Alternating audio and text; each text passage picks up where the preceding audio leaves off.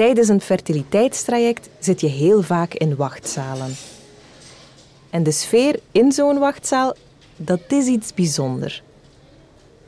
Er wordt bijna niet gepraat. Maar je voelt dat iedereen heel nerveus is. Want elke stap in het proces is spannend. Iedereen heeft er dezelfde wens, maar staat voor een andere uitdaging.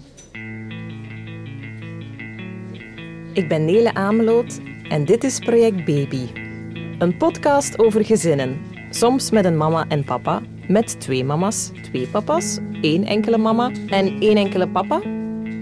Mag dat ook? Oh, mooi.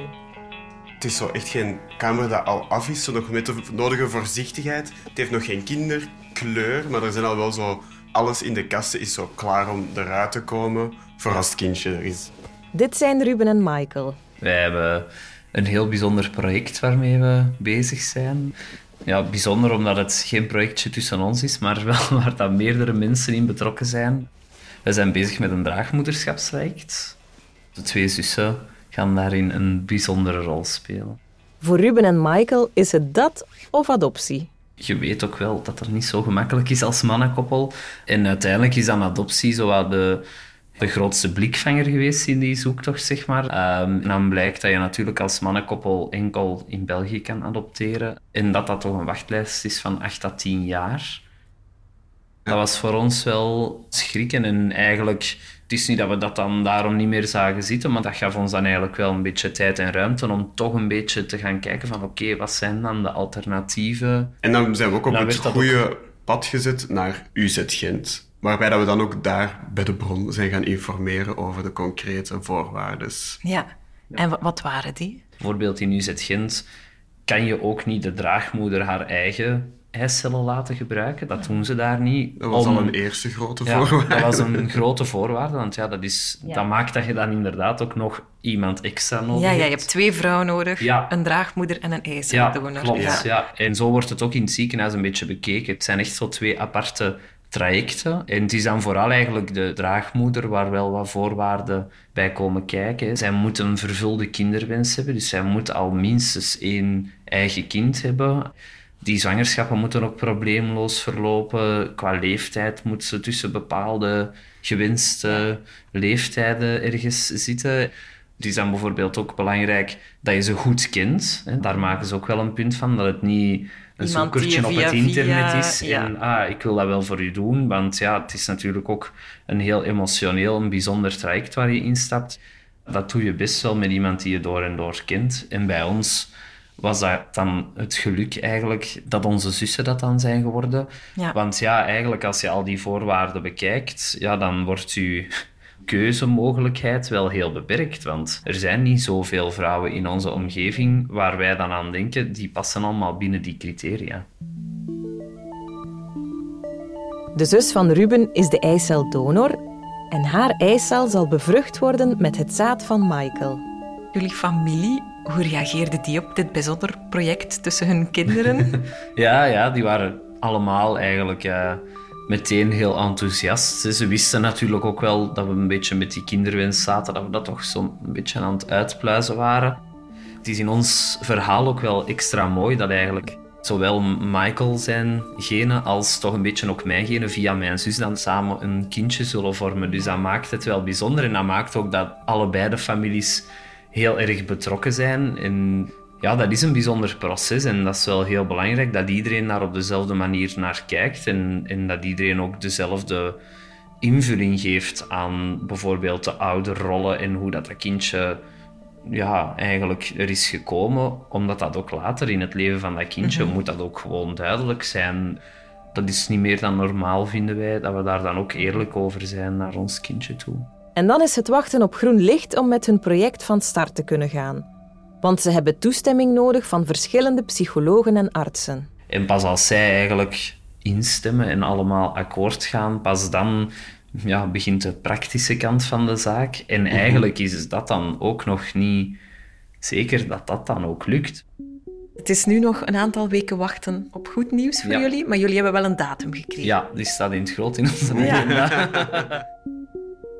Ondertussen leerde ik ook Linne kennen. Hier is het 16 weken, denk ik. Op de dag van ons gesprek is Linne bijna 19 weken ver in haar zwangerschap. Die Ja, ja, echt zo'n hele ribbenkast. Het is echt grappig. Ook zij krijgt een baby dankzij de wetenschap met niet één, maar twee donoren. Ik ben een bewust alleenstaande mama, dus een zaaddonor had ik sowieso nodig. En die was er ook bij mijn eh, eerste zoon. Maar toen ik nu begon aan het traject voor mijn eh, tweede kindje, bleek dat ik zelf bijna geen eicellen niet meer had. Dat is zo de eerste aanloop naar uw menopauze. Uw lichaam gaat in een fase waar dat je, in mijn geval, leeftijdsgewijs nog niet klaar voor zij. Ik was op dat moment 34 toen ik dat verdikt, zal ik maar zeggen, kreeg. En dus helaas na een tijdje toch een poging ondernemen, kwamen we tot de conclusie dat dat gewoon een eindig verhaal was. En dat ik ofwel moest stoppen ofwel moest kiezen voor een eiceldonor. En ik heb die keuze dan toch gemaakt. Dus voilà, ja, dat zijn de twee donoren. Het tweede kindje dat je nu draagt, heeft jouw genen dan eigenlijk niet. Maar het is genetisch wel verwant aan je zoontje. Ja, dat is best bijzonder. Ja. Ik ben heel blij dat de spermadonor uiteindelijk toch nog dezelfde was, omdat zij wel echt iets van elkaar zullen hebben. Ik vind het ook heel bijzonder, uiteraard, dat het genetisch niet aan mij verwant is, maar ik ben heel blij dat ik de mama ben. Ik draag dit kindje wel ook gewoon. Dus het voelt ook volledig als mijn kindje. Het groeit in mijn buik. Dat is een supergroot voordeel voor mij om die verwantschap wel gewoon te voelen. Maar het is wel heel bijzonder, ja. Donor-eicellen bekom je veel moeilijker dan donor-zaadcellen. Er is een hormoonstimulatie nodig, een pick-up, en daardoor is er een heel lange wachtlijst. Er zijn twee opties. Of je brengt iemand mee die haar eicel wil afstaan aan jou, dan ken je de donor. Of je brengt iemand mee die haar eicel wil afstaan aan iemand anders. En dan mag jij vooraan de wachtlijst om zelf een eicel te ontvangen. Linne koos voor die tweede optie. Ze vond iemand, via via, die dus haar eicellen wou wegschenken aan een onbekende. Dus ja, vanaf het moment dat ik op die wachtlijst stond, ben ik dat zo wel wat beginnen verspreiden van hip hoi, dit is mijn lot op dit moment. En er waren spontaan al wel een aantal mensen die uh, zoiets hadden van ik wil dat wel overwegen. Maar ja, daar komen wel wat zaken bij kijken. Bloedonderzoeken vooraf, waardoor mensen al heel snel niet geschikt blijken te zijn. Dus dat is ja, een beetje zoeken naar een speld in een hooiberg. Mijn Radio 2-collega Caroline de Becker vond het heel belangrijk om niet zomaar te kiezen voor een anonieme zaaddonor. Omdat wij echt de overtuiging hadden van wij willen dat ons kind weet waar het vandaan komt. Er werd ons heel erg in de richting van aangekocht zaad geduwd. We zeiden, ja, nee, wij werken met een gekende zaaddonor. En ja, weten jullie al wie dat is? Nee, nee. bij onze eerste gesprekken, nee, we weten het nog niet. We zijn nog op zo, ja, ik zou toch aanraden om via een, um, de spermabank te gaan. En, en wij zo, maar alleen, nee, wij willen echt... Dus dit is een soort van verkoopsmodel. En ja, ik was daar niet goed van. Ik had dat ook via vrienden van mij gehoord, dat dat ook, ook daar gebeurd was. En dat ze daar zelfs over begonnen te twijfelen. En ik dacht, nee, blijf in uw kracht staan. Want ik raad echt elke patiënt aan om toch kritisch te blijven. Bij jullie was het een bewuste keuze om met jouw eicel een embryo te creëren dat dan bij jouw partner werd teruggeplaatst. Maar het kan ook makkelijker als koppel bestaand uit twee vrouwen, want je hebt kennissen die gewoon thuis zwanger zijn geraakt. Ja, ja die, die uh, ook een, een, bekende donor hebben aangesproken. En, en die van het moment dat het... Uh, wat is het daar? Dat ze vruchtbaar zijn? Allee, in de, de vruchtbare periode De vruchtbare periode, ja. Op het moment van, ja, nu ben ik aan het pieken, ja. kwam die kerel met, met zijn potje aan. En, of, of die kwam thuis zijn ding doen. En... Um, en dan het potje doneren. En dan, werd, dan hebben ze dat zelf ingebracht met een dokterspuit gewoon. Ja. Gewoon zelf inspuiten, ja. Ik ken zo twee koppels die op die manier zijn zwanger geraakt. Kost absoluut niks. De makkelijkste en de goedkoopste oplossing. Voilà, ja. Hallo. Hey. Enkele weken na onze eerste ontmoeting ging ik nog eens langs bij Ruben en Michael. Mag ik al een beetje proficiat zeggen? Ja, een beetje. al een beetje, hè? Er is al wat, wat vooruitgang. Een grote stap verder, hè? Ja.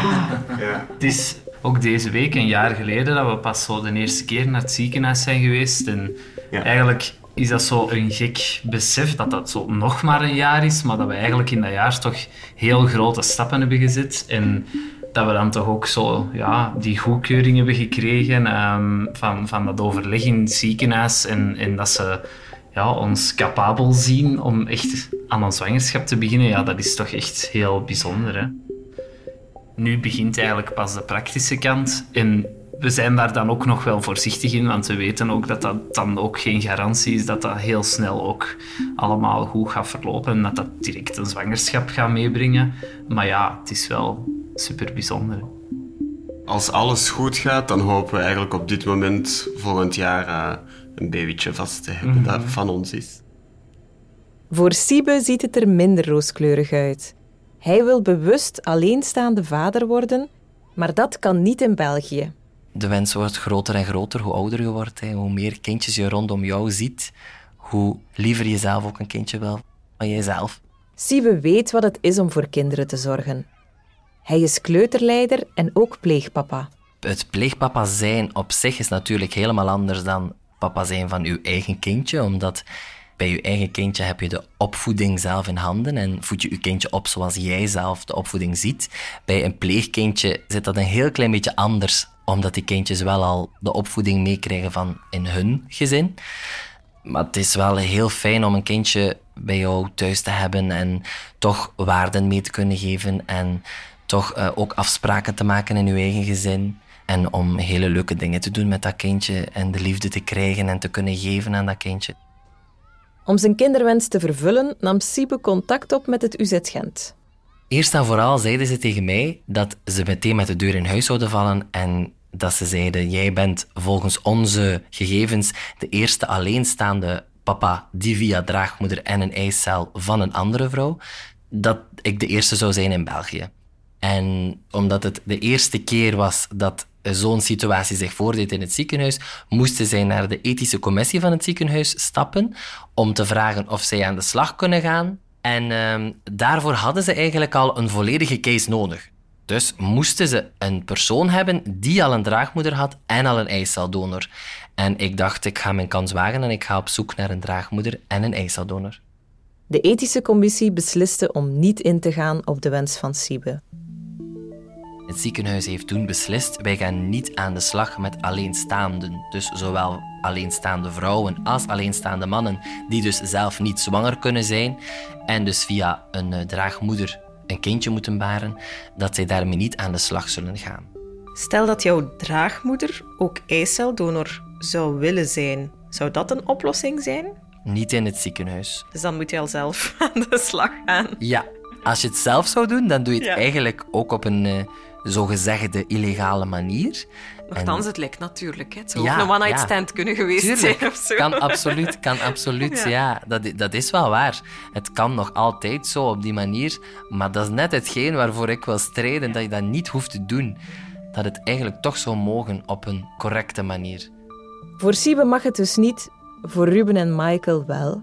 Met toch wel wat rare regels. Michael, jij zal op zich de biologische vader zijn, maar het is Ruben die het kindje op voorhand al kan erkennen. Ja, klopt. Ja. In België, als een vrouw een kind draagt en ze bevalt van dat kindje, is ze wettelijk automatisch de moeder. En is ze getrouwd, is haar man automatisch ook wettelijk de vader. Dus mijn zus is draagmoeder in ons proces. Zij is wel wettelijk samenwoond, maar niet gehuwd met haar partner.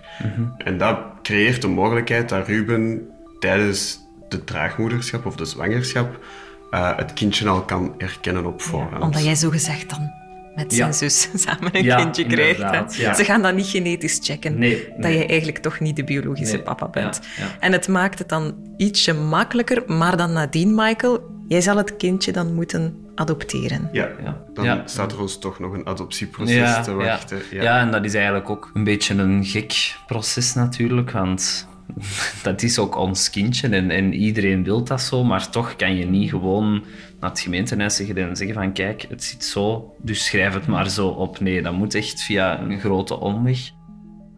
De wet evolueert niet snel genoeg voor Siebe en Ruben en Michael. Er is een grijze zone. Draagmoederschap is niet verboden, Maar er is geen concrete wetgeving. En dus kunnen ze niet zomaar papa worden van hun kind. Alleenstaande mannen met een kinderwens kunnen niet in België terecht.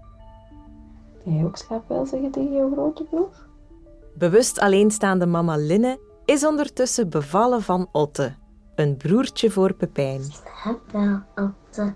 Ze lijken als twee druppels op elkaar. Kus. Ja,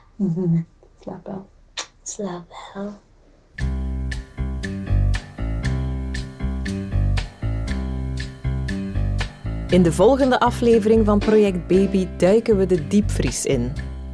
Wat gebeurt er met de embryo's die in de diepvries achterblijven als een kinderwens voltooid is? Thijs van Nesten wou ze niet verloren laten gaan.